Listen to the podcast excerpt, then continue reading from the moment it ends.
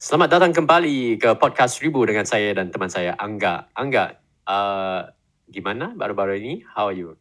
Uh, I'm doing uh, very very good actually. How about you, Waylin? Oh, oh man, uh, I cannot tell you. M- mungkin kamu kaget uh, saat saya reveal, I, when I reveal this secret. Singapore, case corona di Singapore udah melampaui uh, jumlahnya 12 ribu. Hah? Iya, dari dua hari dulu. Hah, 12 ribu in two days? Iya. Wow. 12 ribu. 200, 12 ribu 784 jumlahnya. Oh shit, that's crazy. That's insane. That's insane. Yeah, oh it's so serious. Uh, this is uh, this is disaster, disaster. Ketika border dibuka, tiba-tiba COVID naik lagi. Yeah. And Oh, then uh, what is different? Apa yang ya berbeda di di kalangan masyarakat? Nothing. Oh, Everything the same. everything the same. COVID naik, oke lah. so uh, I don't know. Uh, I, saya tidak tidak terasa apa-apa uh, perbedaan pun. Ya. Hmm, hmm, hmm. Kayak gak ada bedanya sama sebelum-sebelumnya ya. Sama-sama Yeah. aja gitu. Itu And- sebenarnya, ah, kenapa? Ya. Oh, mungkin uh, enggak kamu kamu pernah uh, kena COVID kan? Ya pernah, saya pernah kena COVID. Ya. Uh, apa ada waktu uh, ya yang kamu you know rasa khawatir? Oh no, uh, apa saya you know uh, nyawa saya uh, dalam you know resiko dahsyat. Oh, kalau itu eh ini beruntungnya ya, pas saya kena COVID itu habis vaksin, Hmm. the first vaccine. Jadi Oke oke. saya kayak gejalanya nggak begitu parah ya, meskipun saya nggak bisa ngerasain makanan, nggak bisa mencium bau ya. Wah, itu Hmm, iya. benar-benar sulit banget ya dalam hidup. Tapi Iya, that's true, that's true, Betul, that's betul. true. tapi saya ngeliat teman-teman saya yang belum vaksin and get COVID, Ah, mereka ngerasain kayak wah ini nyawa saya bisa tertolong nggak ya? Pada kayak gitu pak. Ha. separah itu. Apa gejalanya. mereka uh, harus masuk rumah sakit? iya. Ada banyak banget yang masuk rumah sakit. Oh, oke. Eh, Ya, eh, itu satu uh, soal yang yang belum sempat saya uh, dapat jawabannya. Karena hmm, uh, ya kebanyakan orang di Singapura udah divaksin dan uh, sebelum vaksin di, diluncurkan saya belum uh, pernah kenal orang yang uh, kena covid terjangkit COVID ya, Hmm, hmm, menjangkiti hmm, COVID. So ya saya gak ada perbandingannya. And hmm. now now that you tell me, I know. Okay, okay, okay. The, the, saya saya tahu uh, pada saya ya. I think that the vaccine is very effective. Hmm, hmm, hmm. Uh, cuma saya belum tahu apa. I know that I know that it will protect you from uh, uh, from dying. Hmm, betul Yeah, and pada saya, I think probably it protect you from the serious disease. But um, sampai mana ya kalau dibanding? So because uh, sebelumnya uh, waktu awal pandemi Hmm. uh, varian yang yang menular adalah varian what alpha, alpha selepasnya delta Hmm, yang dianggap lebih serius ya. betul betul delta Lebih lebih parah. serius And jadi uh, saya belum belum kenal orang yang belum tervaksin uh, baru-baru ini Hmm, lalu menjangkiti inovarian uh, Omicron yang menular sekarang, right? hmm, So you, you can't really have this comparison. Waktu dulu, yeah, then the it's a very very serious hmm, hmm, varian. Tapi uh, ya, padahal ke what this kadar the uh, death rate ya hmm. masih kurang dari satu persen. iya betul Right, positif so rate naik tapi death rate-nya nggak separah yang delta kemarin kan yang si omikron ini Iya. Hmm. tapi penularannya Iya. banyak sekarang naik lagi so it's a bit confusing. Iya right? betul betul. Iya, eh ini ngomong-ngomong kayak Singapura apa naik ya rate-nya, Ya. kan uh, border pariwisata dibuka. Orang Indonesia banyak yang ke Singapura, banyak banget. Pulang-pulang kayak mereka get COVID from Singapore. Yeah, And know. yeah, the rate is increasing lagi sih di Indonesia. Dan Yeah. kemarin itu sempat banget, uh, you know right, uh, you know PPKM kan? Ah, yeah. Nah, PPKM ini tiba-tiba dinaikkan jadi level 2. Oh, Which means Jakarta ya Jakarta. Which Ah. means uh, untuk tempat pusat perbelanjaan, toko apa pun itu yang bisa ada keramaian, Yeah. itu uh, jumlah kapasitasnya diturunkan jadi 75% gitu. Hmm. Dan semua orang di, in- Hmm. di Indonesia, di Instagram, di social media, Hmm. mereka komplain semuanya. Apaan sih nih? Naik tiba-tiba udah enak-enak 100% udah komplain kayak gitu kan. Karena kita udah Hmm. ngerasain ya udah uh, covid is just like flu gitu. Tiba-tiba Yeah. kok turunin lagi? Udah pada heboh nih semuanya. Besoknya bener-bener besoknya pemerintah bilang PPKM kami kembalikan jadi level 1 secepat itu. Tapi uh, apa ini uh, apa respons segini lebih baik? Yaitu uh, waktu ada perubahan ya situasi you know Mm-mm. uh, pemerintah you know bertindak dengan dengan cepat. Cepat betul. Ap- you know? Mm-mm. setuju setuju. Mereka tindak cepat setuju. Oh. Dan mereka merespon uh, masyarakat dengan sangat cepat. Saya juga agree sih with that gitu. Meskipun terlihatnya kok pemerintah kayaknya tidak konsisten gitu tapi setidaknya sekarang mereka sudah mendengar uh, apa namanya suara masyarakat lah ya nggak sih hmm. Mm-mm. ya ya ya ya Uh, di Singapura pula you know waktu ini belum ada uh, respon selanjutnya dari pemerintah you know Mm-mm. uh, untuk apa ni dari uh, sudut uh, PPKM Singapura Mm-mm. ya so di you know diteruskan aja uh, si, you know ke, keadaannya we just maintain maintain the same situation. Mm-mm. ya ya. Uh, saya pribadi saya you know gak apa-apa. I think it's okay. Uh, but I think banyak you know di uh, kalangan masyarakat di Singapura yang kurang setuju uh, kerana uh, bisa kelihatan waktu saya di luar uh, kelihatan banyak orang yang pakai masker ya Mhm. I think sebanyak 90% uh, yang memakai masker jadi I think uh, saya terasa lah banyak orang yang masih you know uh, khawatir pada Mm-mm. uh, COVID ya. Mhm, betul sih betul. Uh, speaking of uh, masker ya, masker dan COVID, uh, saya menemukan sebuah uh, berita yang cukup membuat saya terkaget-kaget sih dan saya pikir kayaknya Waylin dan audience akan kaget juga gitu dengarnya.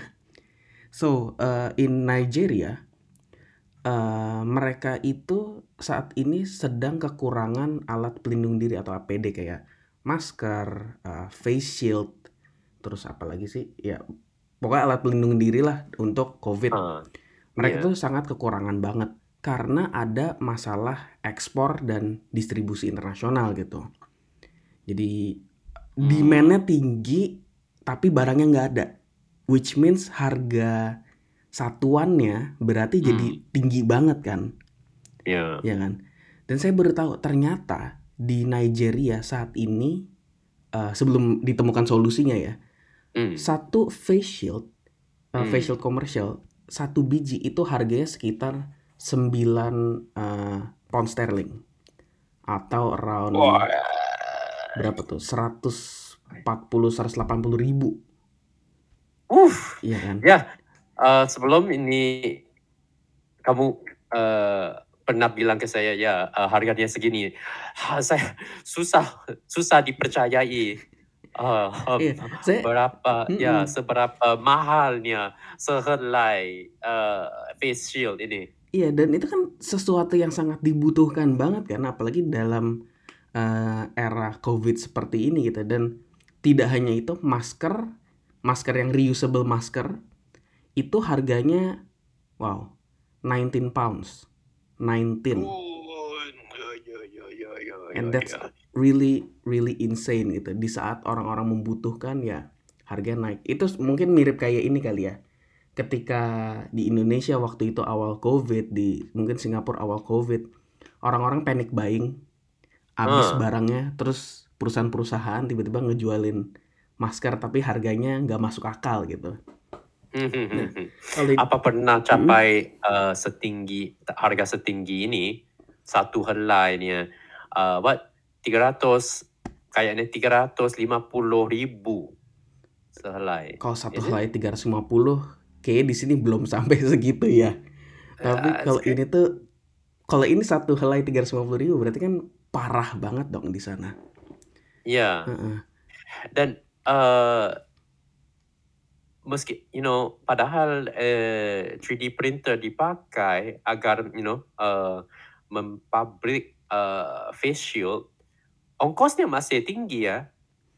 Iya. Dua pound. Ternyata Mm-mm. di sini dua pound kayaknya dua pound empat puluh.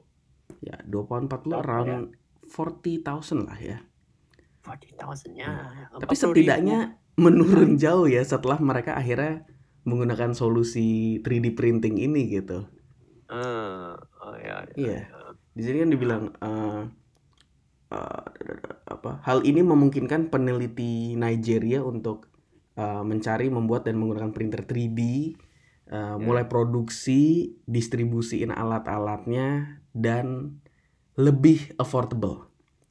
Pada ketika saya pertama kali baca artikel ini, saya mikir, bukankah yang namanya 3D printing itu seharusnya sebagian nggak affordable gitu karena dia harus ada mesinnya harus ada segala macam gitu kan tapi Mhm. ketika saya baru tahu sebelum ada 3D printing harganya berapa wah 3D printing ini berarti sangat menjadi solusi buat di Nigeria saat ini sih Ya, ya, ya, ya. It's very strange. Hmm, hmm. Uh, mungkin ini se- ini spekulasi saya ya pikiran oke aja. Mungkin ini situasi ini terjadi karena uh, di dunia sekarang ini ada masalah logistik ya. oh iya betul betul Ya banyak uh, barang-barang you know uh, im, diimpor ya uh, ada kesulitan dibawa ke ke uh, destinasinya ya. Mm-mm, betul betul dan seperti kita Ya. sudah sempat eh, membahas tentang logistik ini kayak berkali-kali ya di episode 1000 talks sebelumnya gitu which mean uh, Iya. this is a serious uh, issue gitu tentang logistik ini buktinya tak hanya waktu dulu kita bahasnya apa aja tuh kentang ya awalnya dari ya. kentang uh, McD gitu kan Iya. tiba-tiba ternyata sampai sekarang masker pun juga gitu dan harganya bisa sampai nah kalau saya di sana I cannot afford it sih oh, this is a very good question ya. Iya. Uh, we can you know uh, we could we could turn this into the question you know ah para audience apa hubungannya uh, kekurangan kentang di Jepang dengan kekurangan PP PPE PPE it PPE Ya, di PPE. Nigeria. Hmm. right? Iya. turn into a oh yeah. So you know uh, ikutin kami. Uh, uh, as we solve this mystery. Yeah. Iya, ya semua That'll karena masalah logistik international logistik parah semuanya. Uh, agak saya rasa kaget ya Hmm. agak karena uh, bertahun-tahun sebelum ini ya waktu kami you know uh, anak muda sampai dewasa sekarang nggak pernah apa pernah kamu you know mendengar ada masalah logistik yang uh, ter, di mana seluruh dunia terdampak you know No, belum pernah. loh. yeah it's so strange isn't it uh, Iya. the, ah, ah, kaget ya kaget banget like how um saat saat waktu you know waktu pandemi we didn't hear about logistic logistic problem. Mm-mm, but apabila udah terlepas dari you know uh, how to say the most serious part of the pandemic ya udah terlepas dari uh, bahagian paling serius. Oh wow. And then now suddenly logistic problem number one. It's so strange. Iya, kenapa ya? yeah it's like you play a game you know? Ada level satu, level satu uh, uh, problemnya okay pandemi, dan level dua uh, okay problemnya logistik, dan level tiga I don't know what the problem will be. Iya, tiba-tiba pokoknya bercabang aja gitu. Kayak masalahnya satu tapi menumbuhkan masalah lain yang di luar dugaan gitu, di luar ekspektasi. Ya, ya, ya. Iya, pasti nih kalau kita ngomongnya uh, secara logika aja ya. Ketika ada pandemi muncul, pasti uh, problem utama berikutnya biasanya kekurangan uh, apa namanya ahli medis itu mungkin Iya. ya kan. Ya. Terus uh, kekurangannya jumlah pasokan vaksin gitu karena sudah habis dipakai. Tiba-tiba Ya. muncul logistik. Yeah, yeah. That's true. That's true. Hmm.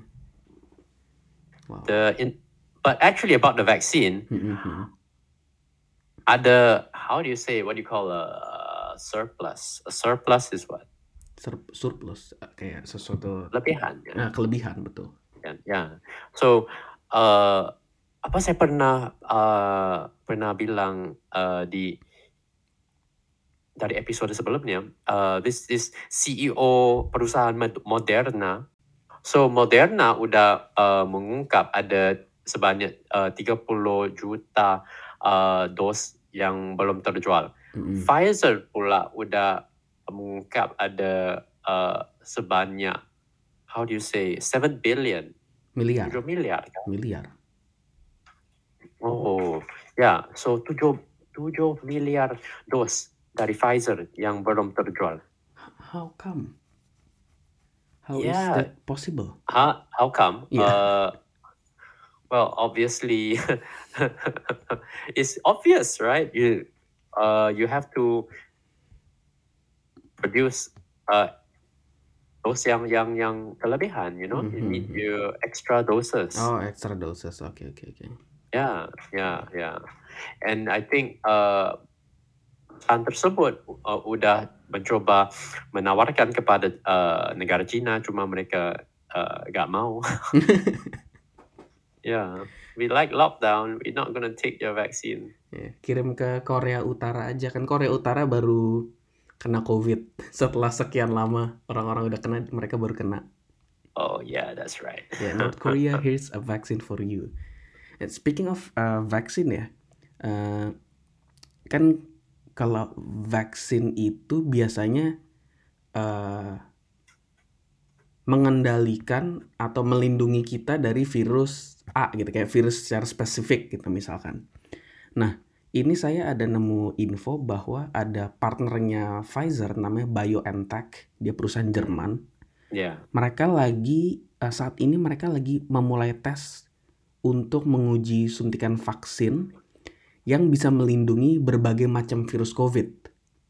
As in eh, kayak sekarang kan Omicron nih ada, terus Omicron ada mutasinya banyak gitu kan, ada Omi Iya. apa apa apa.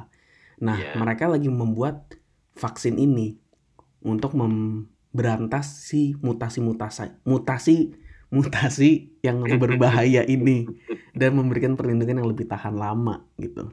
Hmm. Ya sih kalau misalnya ngelihat kayak gini, saya rasa ini menjadi kayak satu uh, urgensi utama sih yang harus di riset sama perusahaan, sama pemerintah, sama badan kesehatan gitu untuk memberikan kita masyarakat perlindungan yang lebih handal.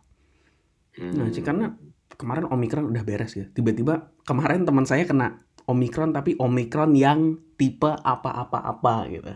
Gejalanya beda lagi. Hah? Tipe apa-apa? Ya, misalkan sorry, saya kurang paham. jadi uh, Omicron kan uh, mutasi. Ada Hmm. tipe Omicron yang let's say versi A, versi B, Hmm, versi Z hmm. gitu. Nah, teman saya kena salah satu mutasinya ini Hmm. gitu. Jadi Oh. dia Delta dan lain-lain udah nggak kena tapi Omicron nggak kena tapi mutasinya yang kena gitu. Ya, ya, ya, ya. Nah, ya. saya tanya gejalanya apa? Wah gejalanya beda lagi. Gejalanya Hah? gejalanya beda lagi. Udah nggak Ah. ada anosmia gitu-gitu lagi sekarang. Tapi lebih ke Oh. arah eh, sakit kepala, terus eh, badan pegel-pegel. And then pas dites eh, swab, oh you got COVID. Sedih.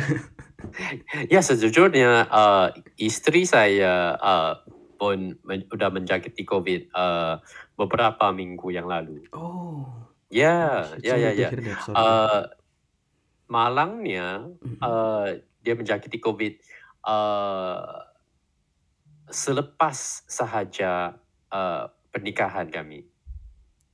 Oh, congrats on your wedding, but I'm so sorry to hear Ya, what happened to your wife.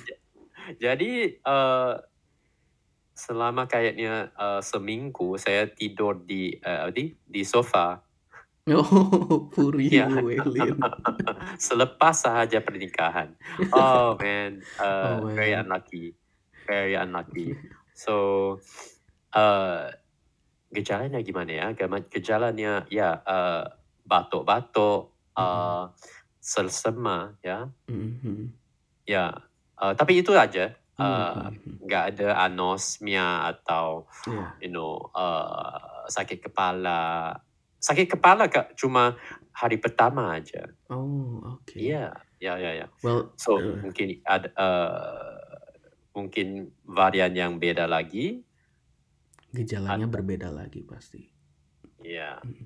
Well, Atau mungkin mhm. you know ad, ten, uh, terkadang pastinya you know ada uh, variannya sama tapi uh, respon masing-masing you know orang Berbeda. uh, masing-masing penyakit berbeda karena you know tubuh badannya ber, Oh berbeda. iya, metabolisme badan saya dan Waylin gitu. It may be uh, give different response gitu kan terhadap virus yang masuk gitu misalnya. Ya ya ya. Well, the good thing Mungkin is your wife doesn't get anosmia because anosmia is it feels like hell. ya mungkin orang you know uh, orang yang uh, badannya uh, how to say the shorter uh, pendek. Mhm. ya um, gejalanya beda dengan orang yang badannya tinggi. So you are the badan tinggi type. I'm the you know uh, badan pendek. Anosmia cuma berlaku pada you know uh, jarak yang uh, lebih tinggi dari uh, darat. Ya Emang iya. Oh, jadi orang yang you know short people don't get it oh iya iya iya. You're joking right? hey Saya pikir cannot tadi serius kayak, hah serius ah nggak you're joking. you cannot be sure ini harus diteliti oleh ahli sains oh, yeah. Hash, hashtag follow the science follow the science. ya ya ya. Tapi uh, speaking of anosmia ya, uh, ya kita agak off topik sedikit. Uh, saya tadi nggak percaya loh, kayak orang-orang pada bilang, iya saya nggak bisa ngerasain sama sekali makanan, nggak bisa cium sama sekali. ah Awalnya saya nggak percaya. Pas saya kena COVID, hari pertama hari kedua tuh saya nggak anosmia soalnya, ah cuman demam gitu. Tiba-tiba pas saya kena anosmia, itu saya makan ngetes dengan makan cabai. oh I was gimana in uh, Padang when I get COVID, ah and they have a lot of uh, spicy chili, right? ah Saya makan cabai. I don't feel anything. Ditanya sama istri, kamu kepedesan? Apa itu pedas? I don't feel a thing. Did you make TikTok video Ah, sayangnya tidak. Terlalu pusing ah untuk bikin udah yeah demam yeah kan. yeah yeah. should make TikTok video Yeah, I should make a TikTok video for research purposes. Yeah, for research purposes, right? Exactly. Uh, Speaking of uh, research paper, yeah. yeah, Oh, I have a, a very interesting uh, topic to share. Boleh. Apa itu? Uh, one mananya. Where's my Where's my paper? Uh, uh, ada seorang uh, researcher ya yang uh, udah uh, mempublish ya menerbitkan uh, research paper yang ditulis oleh AI. Oh, wow, cool. Ya ya ya ya ya. ya. Kaget ya dari AI yang bikin.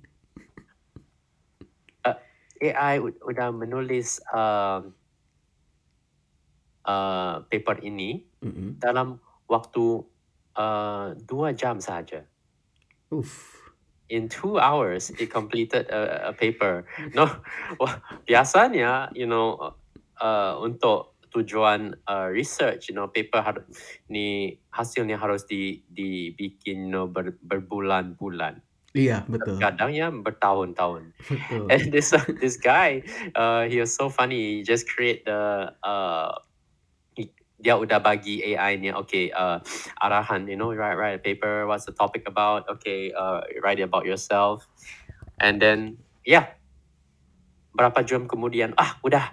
And then he took it and he he sent the paper and udah di accept. Yeah, di accept oleh uh, journal science-nya. Wow. Secepat kilat. Yeah, that was pretty funny. Uh, reportnya belum belum uh, belum bilang apa paper ini berkualitas atau tidak. Nah, that's the big questions. Ya ya ya. Uh, the the dari reportnya saya saya uh, how to say I quote from the text ya. Mm-mm. Uh, the researchers commanded the system to write an academic paper Mm-mm. in 500 words about uh, namanya sistem ini G- GPT-3 GP GPT-3 GPT-3. Oke. and also add in the referensinya ya referensinya di badan uh, teksnya mm-mm. mereka kaget uh, saat sistemnya you know udah sukses menulis uh, paper ini dengan uh, referensi yang benar uh, dan sesuai. So yeah, according to the report, yeah, sistemnya uh, uh, hanya mengambil waktu dua jam untuk menghabiskan paper ini. Yeah, Mm-mm. but nobody said whether it's a good quality paper. Kalau misalnya sampai good quality, wow. yeah, and very funny. So uh, waktu uh, saintis ini dia dia uh, meng- mengirim papernya ke Hmm. jurnal, dia harus mendapat uh, izin ya. So AI di di konteks ini AI di, dianggap sebagai partnernya. Dia ha- Oh. dia harus mengam, uh, mendapat uh, izin dari partnernya untuk mengirim paper ini yang bukan you know uh, hasil penulisan dia sendiri, bukan hasil research dia sendiri. Dia Mm. ha- harus mendapatnya izin Mm. dari partnernya. So he have to ask the AI, oh AI, uh, apa kamu izin untuk bagi izin untuk mempublish paper kamu? Uh, AI udah menjawab, ya, yeah, okay. Oke. So it, it was so funny if the AI said No. no.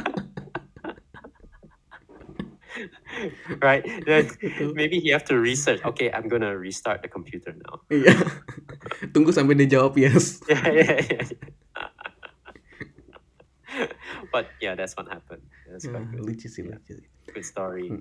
Tapi kalau dipikir, ah, I really want to get this AI now. You know, like uh, you must never let this AI uh be accessed by uh, anak-anak muda. iya, iya betul betul.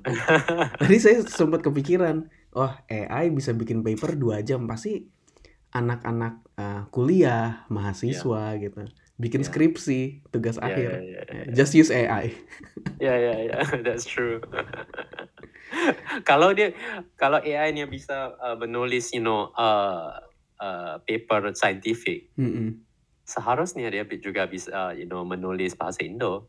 Iya betul, betul. yeah, right. Iya betul. Oh man, you just give it uh, some of the, you know, uh, baginya, ma- you know, bagi inputnya uh, hasil-hasil, you know, karya-karya uh, sastra uh, bahasa Indonesia.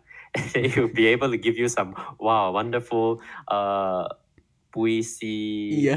pantun, dan lain-lain semuanya. Okay, no problem. Nah, kalau dipakai untuk pendidikan kayaknya sesat deh itu nggak boleh. Yeah, no, no, no, no. No. Harus di, you know, jauhkan. Maybe, oh yeah, maybe in the future, you know, all, uh, 10, 20 tahun kemudian, Mm-mm. uh, anak-anak kuliah, uh, siswa-siswa, so, tetap harus men, you know menjawab uh, ujian dengan pensel dan kertas Iya. agar tidak you know dipengaruh oleh AI. AI. Iya, betul. Oke, HP harus di you know disimpan di luar uh, di di luar uh, kamar uh, sekolah dan okay outside the classroom and then uh, you still have to use ya pencil and paper. Mhm, mhm. Kalau pakai komputer masukin USB ya AI-nya masuk lagi. Iya iya iya iya. Karena uh, uh, gurunya belum belum sempat check, you know, like how do I check if there's AI? I can't check. Mhm, mhm. Betul, betul. yeah. Nah, lucu sih, lucu sih.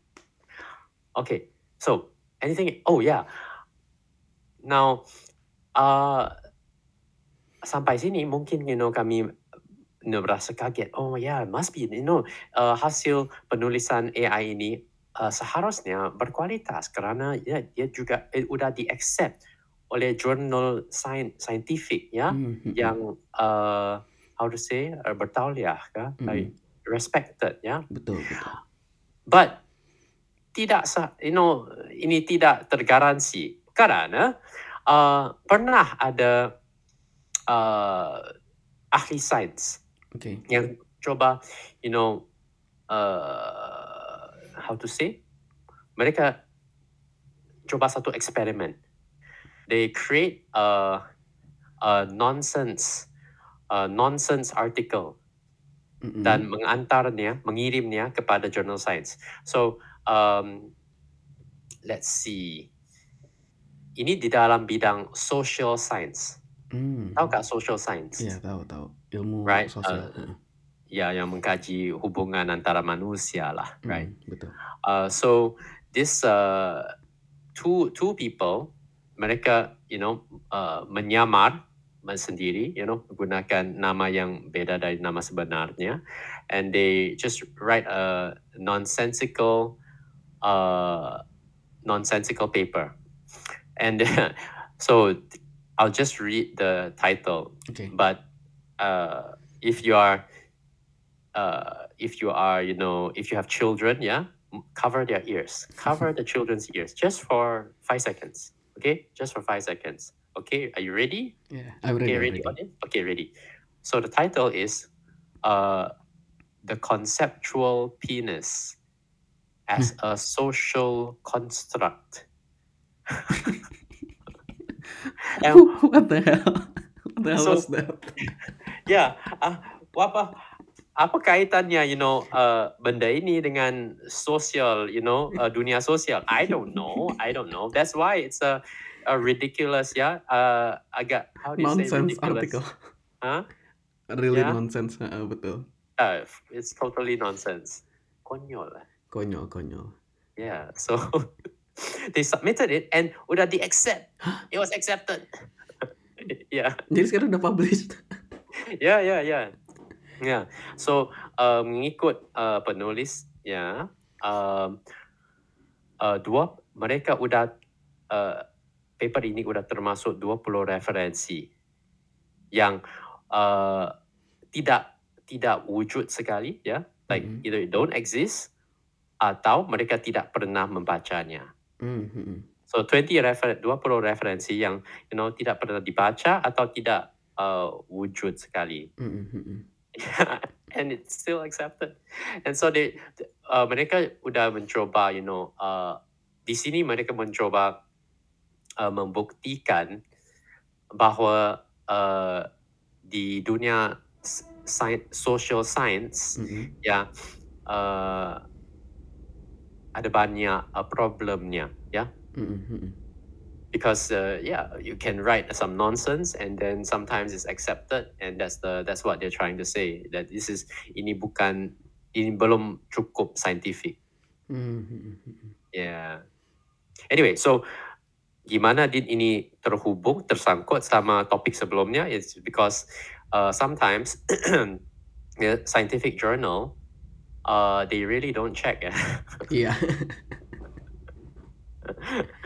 mungkin so mungkin gini it's not that they don't check at all kalau kamu adalah uh, merupakan you know ahli sains yang barusan aja you know uh, ke- keluar dari kuliah mungkin ya akan dicek ya Mm-mm. agak rapi but kalau kamu udah, you know, uh, adalah ahli sains uh, berpengalaman, you know, hmm, 10 tahun, expert. 20 tahun, mungkin ya waktu itu ya they don't really check. Mm-mm, mm-mm. Yeah, but I don't know. So that's my story. Thank you. Thank you for listening. Angga, Yes. yeah, thank you. What do- what do you have for us? Eh, saya ada sesuatu yang keren sih menurut saya teknologi yang sangat cool. Hmm. Oke, em, as we know, uh, baru-baru ini ya, itu kayak lagi banyak saat ini tuh musim kebakaran hutan. Oh, ya ya Dan ya. ya, eh, paling parah itu saya ngeliat di apa National Interagency Fire Center. Mereka juga bilang dari awal tahun 2022 di Amerika Serikat ya sudah Hmm. ada 32.247 kebakaran hutan dan membakar lebih dari 3,3 juta hektar. Oh. Itu kan banyak banget. Terus eh, saya juga ngeliat di saya kemarin langsung Google kebakaran hutan gitu. Dan ternyata Ya. nggak cuma di Amerika banyak banget di India juga terjadi, di Nepal terjadi. I think Indonesia juga banyak gitu tempat-tempat yang terjadi kebakaran hutan. Nah, Hmm. kebakaran hutan yang saat ini itu sangat apinya tuh besar dan sangat intens banget hingga tidak meninggalkan benih di tanah gitu, benih tanamannya gitu. Hmm. Ya Iya. biasanya kan kalau kayak ada kebakaran zus gitu. Benihnya masih ada terus dia untuk tumbuh secara alami bisa kan. Ini saking panasnya api, benihnya hilang, semuanya Iya. jadi habis terbakar. Jadi there's no regenerations uh, alami gitu. Ada Iya. tapi sedikit gitu. Nah, ternyata ada satu uh, startup di Seattle, dia namanya Drone Seed. Dan dia mengklaim bisa memulihkan ribuan hektar hanya dalam waktu 30 hari setelah api padam. So they are Oh, ya. using drone to the next level to help the nature, to help Earth. Oh ya ya ya, ya. Ya. Saya pernah dengar nih uh, di perusahaan perusahaannya bilang uh, dalam dengan satu satu cas Mm-mm, mm-mm. uh, drone-nya bisa menanam benih di uh, tempat seluas 3 per 4 acre. Mm-mm, Gimana? mm-mm. Uh, apa you know perbandingannya uh, acre dengan hektar? Saya, do you know? Enggak? Ah, enggak. Kita cari lewat Google. Okay, please, thank you. 3.4 ya? 3.4 acre. Itu 3 per 4. oh 3 per 4. Ya. I thought this was sekitar 0,3 hektar. Ya, one charge. Ya, Besar loh itu. 0,3 tuh berarti berapa?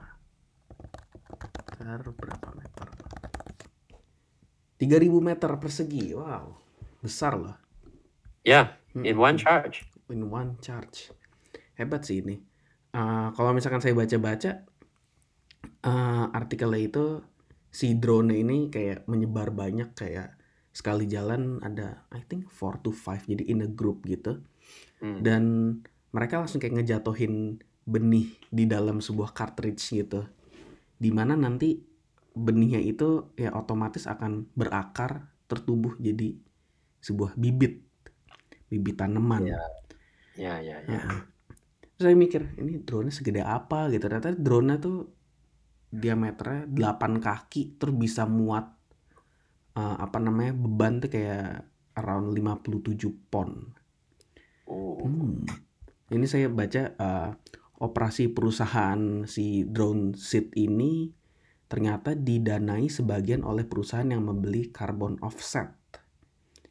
Eh, salah satu pelanggannya itu adalah eh, Shopify yang membeli eh, apa nih membeli eh, 50.000 metric ton karbon dari atmosfer. Jadi in turn drone seed bisa nanam kembali 300 hektar hutan.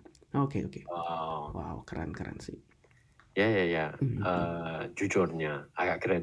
Ya, Eh, this um, would be I saya udah lihat uh, gambarnya. Ya, Hmm. this is great. Uh, when you di bahasa Indonesia apa benih artinya seed, right? Ya, benih itu seed. Ya, tapi dari gambarnya kelihatan uh, uh, yang ditanam bukan cuma benihnya. It's like this tiny tree, right? Mmm, sampai akar-akarnya ya berarti? Iya iya iya, udah ada daun, udah ada akarnya. Oh, wow. Right? Did you Mhm. see it? Iya Yeah, iya. I I mean, you I think we are looking at the same article. Iya, CNBC.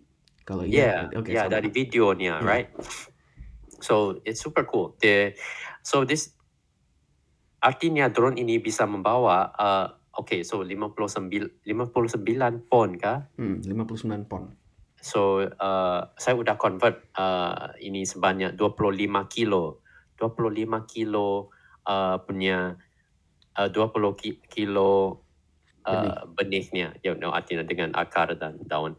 So, that's a lot and dia dia harus dia bukan saja, you know, menjatuhkan, uh, uh, benih ni, dia harus menanam, right? Mhm mhm, betul betul, ditanam Ya, dia buahnya. harus tegak Betul. waktu di dimasukkan ke tanah. Wah. Ini menurut saya teknologi ini sangat berguna sih di Indonesia terutama. Ya. Mhm, saya ngelihat, eee, kalau nggak salah ya, if I'm not mistaken, correct me if I'm wrong, eee, Hmm. Pulau Komodo, you know, Hmm. eee eee, Pulau Komodo kan? Ya. Nah, Ya itu ya. kan, eee, gersang ya, dia kering banget di sana. Itu kalau nggak salah sempat terjadi kebakaran, if I'm not mistaken. Dan saya Oh, rasa ya kah? ya hal seperti ini kayaknya sangat dibutuhkan si drone seed ini. I mean, there's a Komodo in the island gitu. If you go there without, eee, knowing there's a Komodo around you, you will get bitten by the Komodo. If the drone can help it, I'm sure it's a great solution. Tak, eee, tapi di Pulau Komodo ini apa dia, eee apa dia beris beresiko, you know, tinggi, eee, kebakarannya? Kejadian kebakaran? Eee, lumayan. I'll I'll send the article to you. Is it very risky for fire? Eee, iya. Karena saking, eee, keringnya di sana. Oh. open my You know, eee, kamu tak tahukah, eee, apa ni, di California di Mhm. Amerika Serikat, mhm. ya, eee, di sana sering terjadi, eee, kebakaran ya, di Mmm, hutan, mhm mhm, iya betul. right? Eee, kamu pernah lihat gambarnya? Yeah, it's like huge fires, Mhm mhm mhm. huge. Ya, besar sekali. And what mengikut pemahaman saya, problemnya bukan, eee, you know, pembakaran, it's not just bukan saja pembakaran yang menjadi masalah. Eee, sebenarnya, eee, pembakaran agak normal untuk, eee, cuaca di California. Kerana setiap tahun ada musim musimnya, eee, cuaca yang kering dan panas. Mhm So, itu agak normal. Dan biasanya di kalau, eee, belum ada manusia, tetap akan ada pembakaran. And, mhm. eee, dari sudut, eee, you know, alam semula jadi, ini bermanfaat kerana, eee, pembakaran, eee, bakal membakar, you know, eee, materi-materi yang udah, eee, mate materi-materi pokok yang udah mati. So, all the, you know, daun-daun kering, batang-batang kering, semua dia dibakar. Mhm. And ini meng how to say, the clear clear, eee, bagian, eee, bagian tanah, eee, di di hutan. Mhm. Agar bisa menjadi baja untuk, eee, pokok baru dan, eee, agar, you know, eee, kehidupan bisa how to say, kehidup the new life new Mmm, life mhm mhm. can can grow on the forest floor. Mhm mhm. Ya, so, waktu ini pembakaran berlaku di di alam semula jadi, biasanya okay, small fire. Why? Because ia sering berlaku. So, it happen and it's small and it's contro you know, bukan control, cannot say it's controlled, but it's small. Because Mhm. it happens every year. Tapi apa yang terjadi di, eee, California is that, um, they don't control they don't control. So, Mmm, they, mhm. eee, mereka tidak, uh, melakukan you know uh, pembakaran yang yang terkawal yang di you know control Mhm, mhm. uh, when when when the park people that you know karyawan di di di, di Taman Negara uh, di Ca- California when they have the fire so the SOP biasanya okay kamu harus membataskan pembakaran right? You cut out some of these trees and you dig up mungkin kamu uh, menggali ya ter terowong ya bukan lubang Oh, lubang. lubang. panjang agar dibat, dibataskan you know uh, kawasan pembakarannya. Mhm, mhm, but they didn't do that. And also they didn't you know let the uh, forest burn uh, pada uh, jadwal yang ter, dengan terjadwal mhm.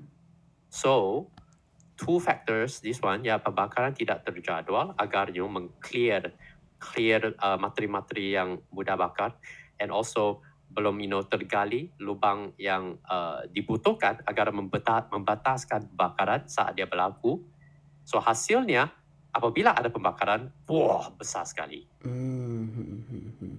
right so that was what I learned about this uh, California I was uh, seeing a lot of pictures and I went to read up So, why I say this because mungkin ini ya uh, terhubung juga dengan apa yang berlaku di uh, Pulau Komodo mungkin mungkin. hmm. some Saya of this is just a natural you know cycle iya sih, mungkin sih.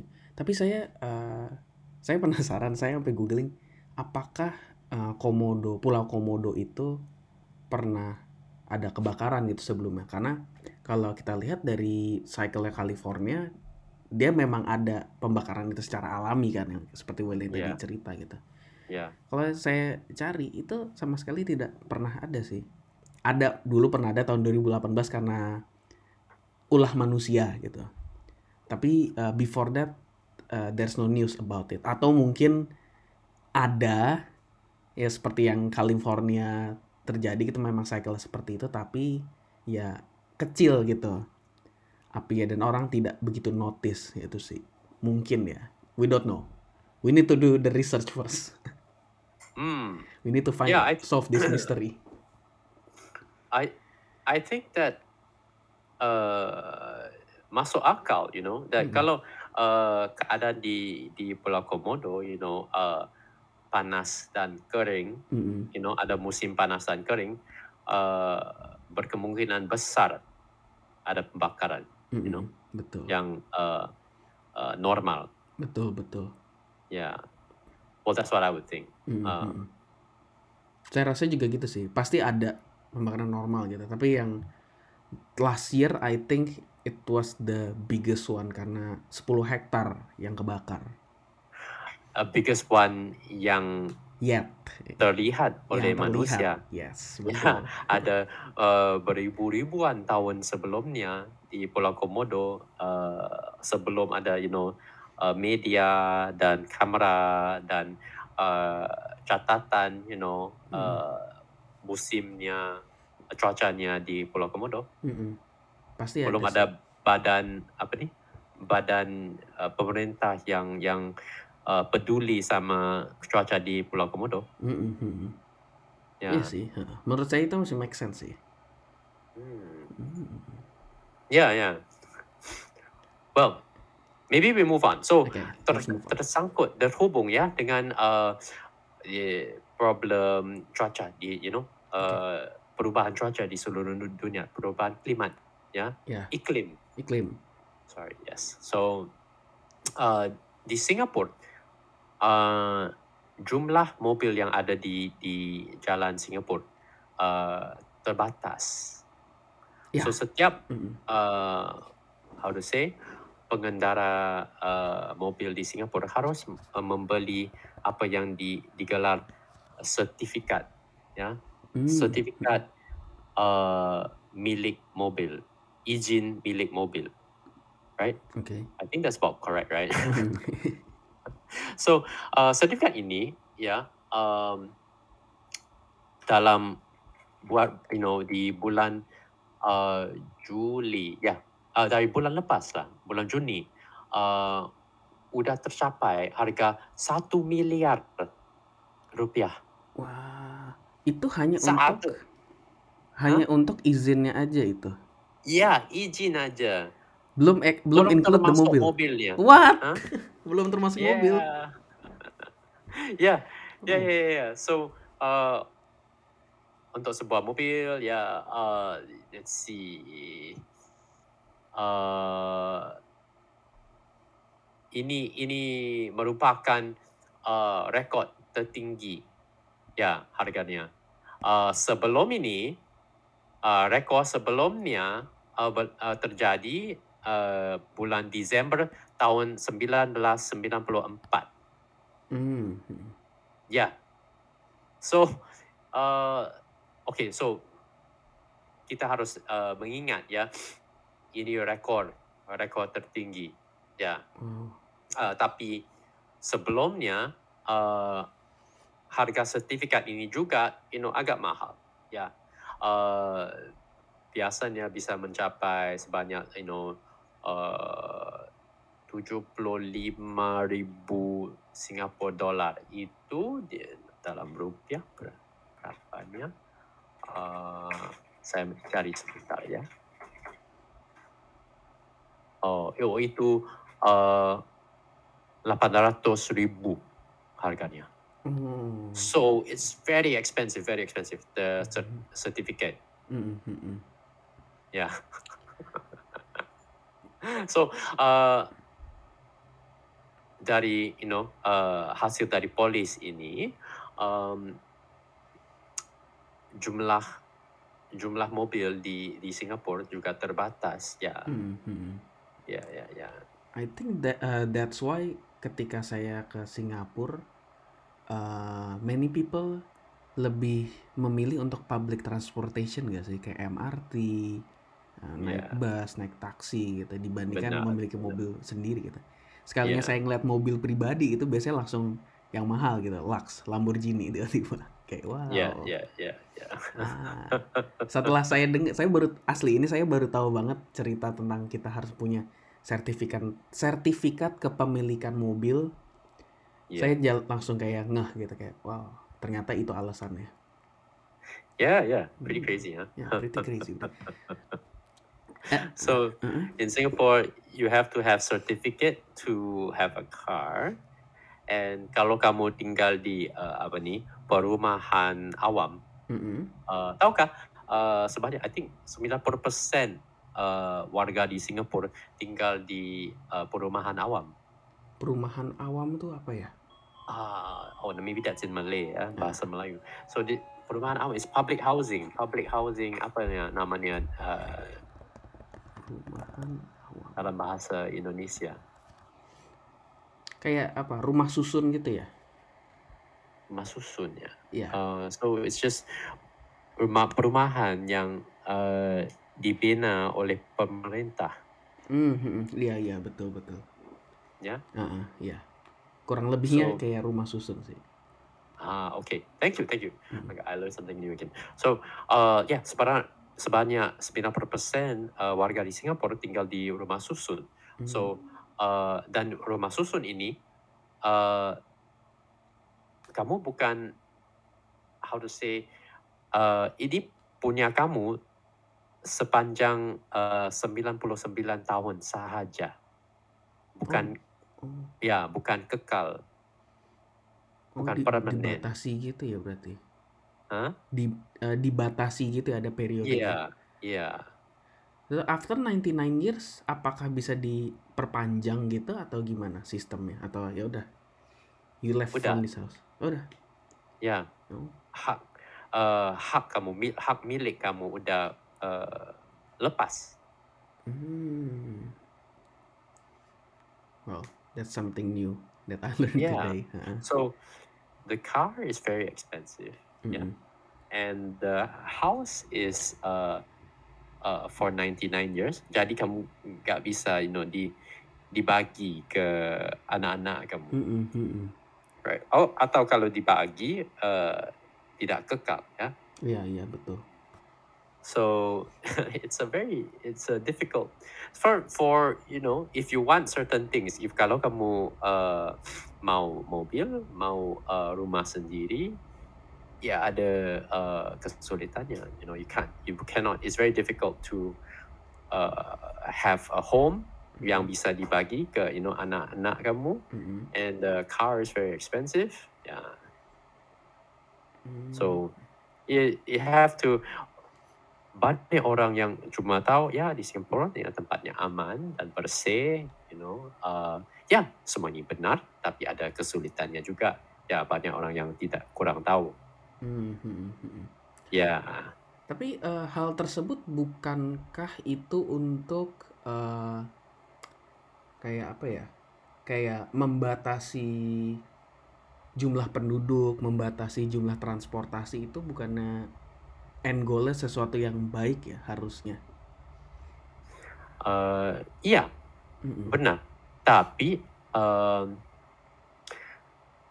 uh, di Singapura, di- situ, ya how to say situasinya segini. Um, so if kalau hmm, kalau di Singapura, you know, uh, warga Singapura banyak uh, banyak menghasilkan anak-anak.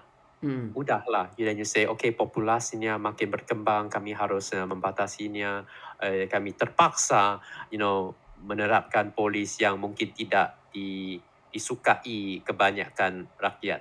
Mm, mm, Ah, udahlah, itu harus di, you know, itu uh, realitasnya. Mm, Tapi ternyata di Singapura, uh, how, how to say, the birth rate, apa namanya birth rate? Eh, tingkat tingkat kelahiran anak I think. Oh yeah, yeah, okay, okay, thank you. I think that sounds about right. Tingkat kelahiran anak ya, ya. rendah sekali. Oh, di Singapura malah rendah ya? Ya, rendah. Oh, oke. Jadi, apa belum tahu apa you know alasannya uh, untuk you know mem, uh, menerapkan polis yang mem, membatasi atau me, how to say discourage ya menggalakkan menggalakkan orang tidak tidak menghasilkan anak-anak. Hmm, hmm. Hmm. So yeah, there's some strange things, you know. Yeah. Every country is different. Ya, Ya. betul betul. Sebenarnya kalau Ya. yang soal kita balik ke bagian yang kendaraan tadi ya. Iya. eh, tujuannya si Singapura melakukan hal seperti itu pasti salah satunya untuk mengatasi kemacetan, ya kan? Iya. Entah itu kemacetan, entah itu polusi. Nah, di Indonesia itu kita sempat eh, ingin melakukan hal yang sama. Baru perencanaan sih, baru planning banget. Eh, tapi bukan dengan eh, sertifikat kayak gitu. Saya rasa kalau misalnya ada sertifikat seperti itu, semua orang Indonesia akan riot sih, chaos pasti. Kayak, I want to buy motorcycle, kenapa harus ada izin lagi ya, kayak gitu kan. Iya, iya, iya. Nah, kalau di kita itu dulu ada eh, ini uji emisi Ah, uji emisi. Jadi jika kendaraannya ini tidak lolos uh, level uji emisi yang ditetapkan, berarti mobilnya kan memiliki uh, pembuangannya yang buruk gitu, polu bisa menghasilkan polusi. Jadi mereka tidak boleh uh, dijalankan. Menurut Hmm. infonya seperti itu. Tetapi uh, kalau uji emisi ini saat ini tuh tidak tersedia di semua bengkel gitu. atau let's say tempat SPBU tempat bensin gitu biasanya kan ada Hmm. bengkel gitu mereka Iya. tuh nggak menyediakan untuk uji emisi ini jadi Iya. kita masyarakat pun juga sulit untuk melakukan uji emisi akhirnya belum jadi dijalankan Iya. ya tapi ketika ada uji emisi ini orang-orang juga pada protes sih gitu mereka Ah. pengennya Jakarta bebas macet, Jakarta anti polusi, tapi nggak mau ngebayar sedikit untuk Iya. untuk ini. Ah, di sini saya ini membayangkan satu fenomena ah, yang saya udah ah, membelajar saat Hmm. di kuliah. Ah, di sini saya ingin je- menjelaskan ya Hmm. sebentar. So, this is called the tragedy of the commons. Tragedy of the Commons. Oke. Yes. Apa tuh? Uh, commons ar- artinya uh, masyarakat, Hmm. hmm. konteksnya masyarakat. Oke. So ini adalah tra- tragedi masyarakat. Mengapa? Oke, biar saya uh, bagikan uh, satu contoh ya. Oke. Kalau saya ada satu uh, lapangan ya, Mhm. dan saya peladang sapi. Mhm. Okey?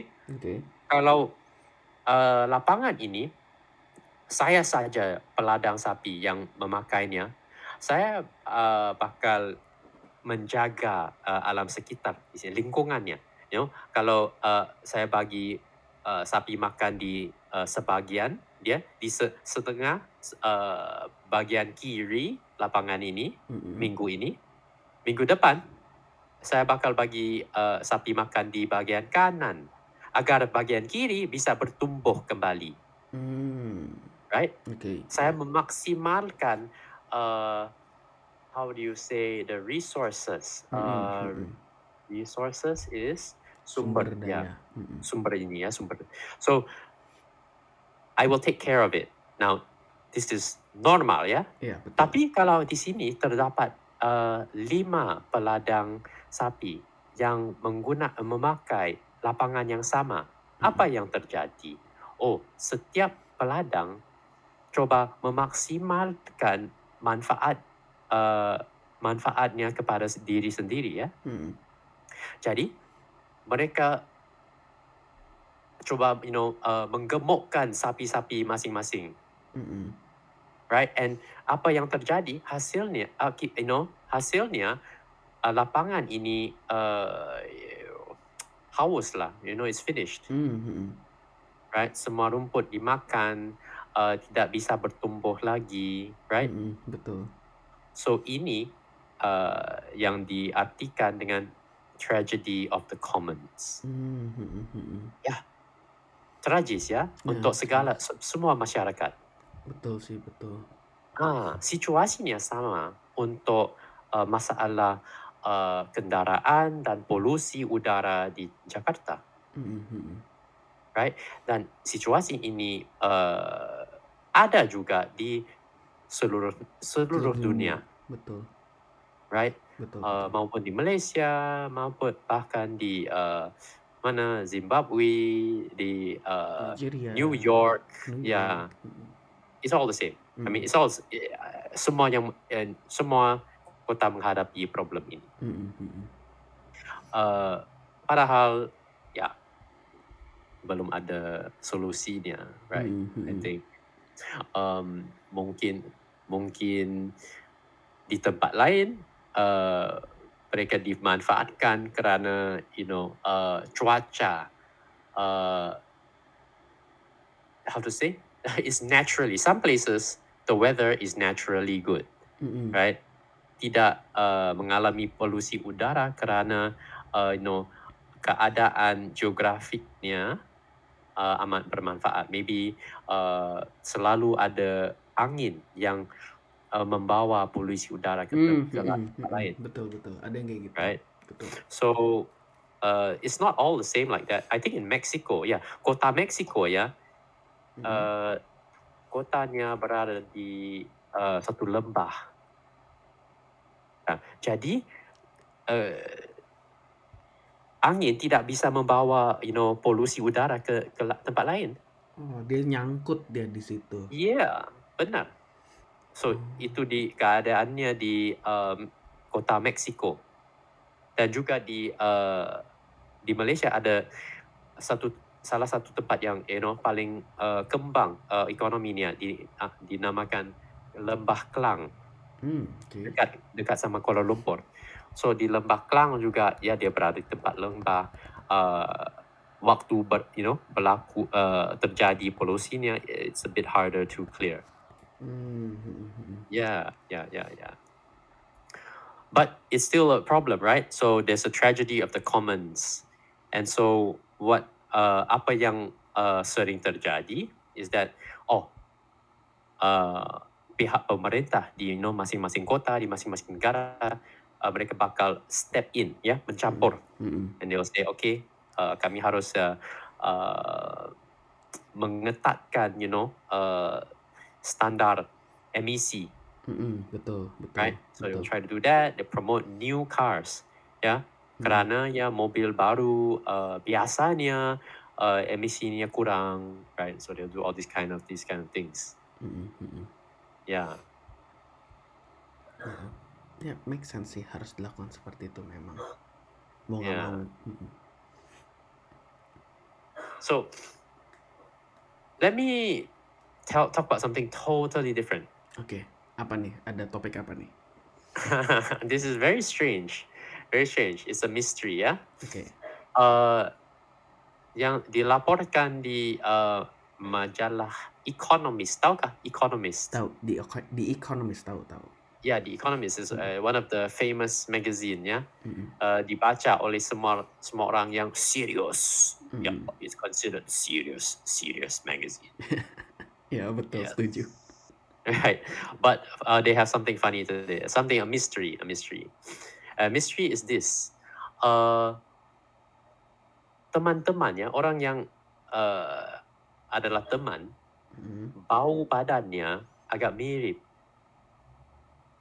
Hah, gimana gimana? The smell of friends Heeh. is uh, similar. Aromanya. Yeah, Jadi misalkan you saya smell like your friends. Oh, jadi jika saya punya, let's say saya punya teman A gitu ya. Yeah, Ah, saya dekat sama dia, bau badan saya dan Yeah. dia itu pasti similar yeah, atau the same. yeah. Uh, similar. Oh, similar. Oke, how, Yeah. how is that possible?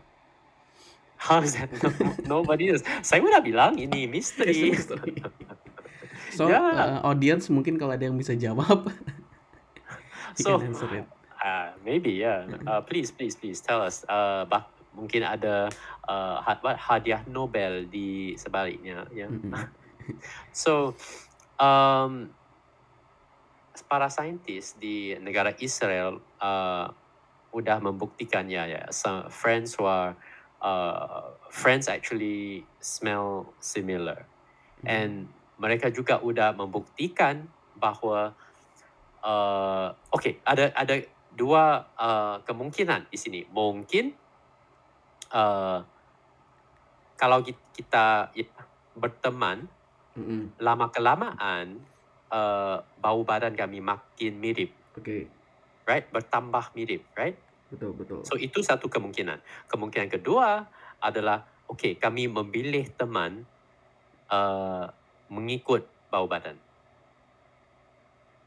Yang kedua, Right. Huh? yang kedua agak aneh sebenarnya. Yang kedua agak aneh, right? Iya, right, betul, right, betul. right, right, right.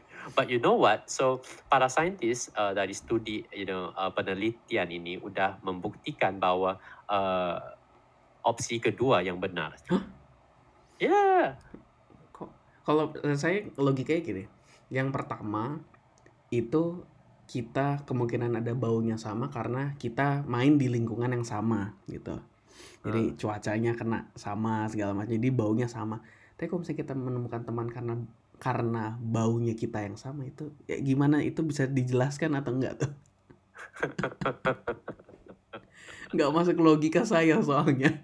Yeah. Uh, and I'm sure this will be very confusing for all of our uh, listeners as well. Yeah. Heeh. uh, membingungkan untuk semua. Now, I actually so this is my personal personal opinion. Ini Okay. bukan dari artikel lagi.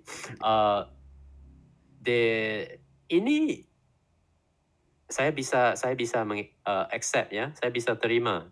Now, biar saya jelaskan uh, alasannya. So, uh, ada di sebalik, you know. So, kami di- dibagi idenya, di konsepnya uh, kami memilih orang manusia menilai memilih teman atas uh, bau Baunya. badan, ya. Mm, betul. But ada uh, ala, ini bisa di, dibilang uh, dis, dengan you know logika sebaliknya. Kami menolak berteman dengan orang uh, yang berbau busuk pada pada you know diri kami, Oh, oke iya iya. right? Betul. So kami menolak orang yang kurang cocok ya bau bad- bauannya kurang cocok sama kami. And apa yang paling uh, yang paling kami sukai? Pastilah badan uh, bau badan sendiri. Bu- Bukan suka, cuma kamu tahu tahukah if you terekspos ya terdedah kepada satu bau lama kelamaan kamu kurang uh, merasainya, Iya, iya. Iya, right? paham. Dan bau badan sendiri adalah bau yang paling kum- kamu udah abaikan. Kamu Mm. tidak terasa lagi. Betul. Right? Because udah biasa, udah menjadi background. Ya. Mm, mm, mm. So, apabila kamu, you know, menemukan orang yang uh, ada mempunyai bau badan yang sama dengan kamu, apa yang terjadi? You don't smell anything. Hmm. Kamu Mm, mm, tidak terasa uh, eh, offended. How to say offended? Tidak terasa apa ya namanya kayak terserang apa ya, offended tuh. Singgung. Terserang, ya, ya, ya.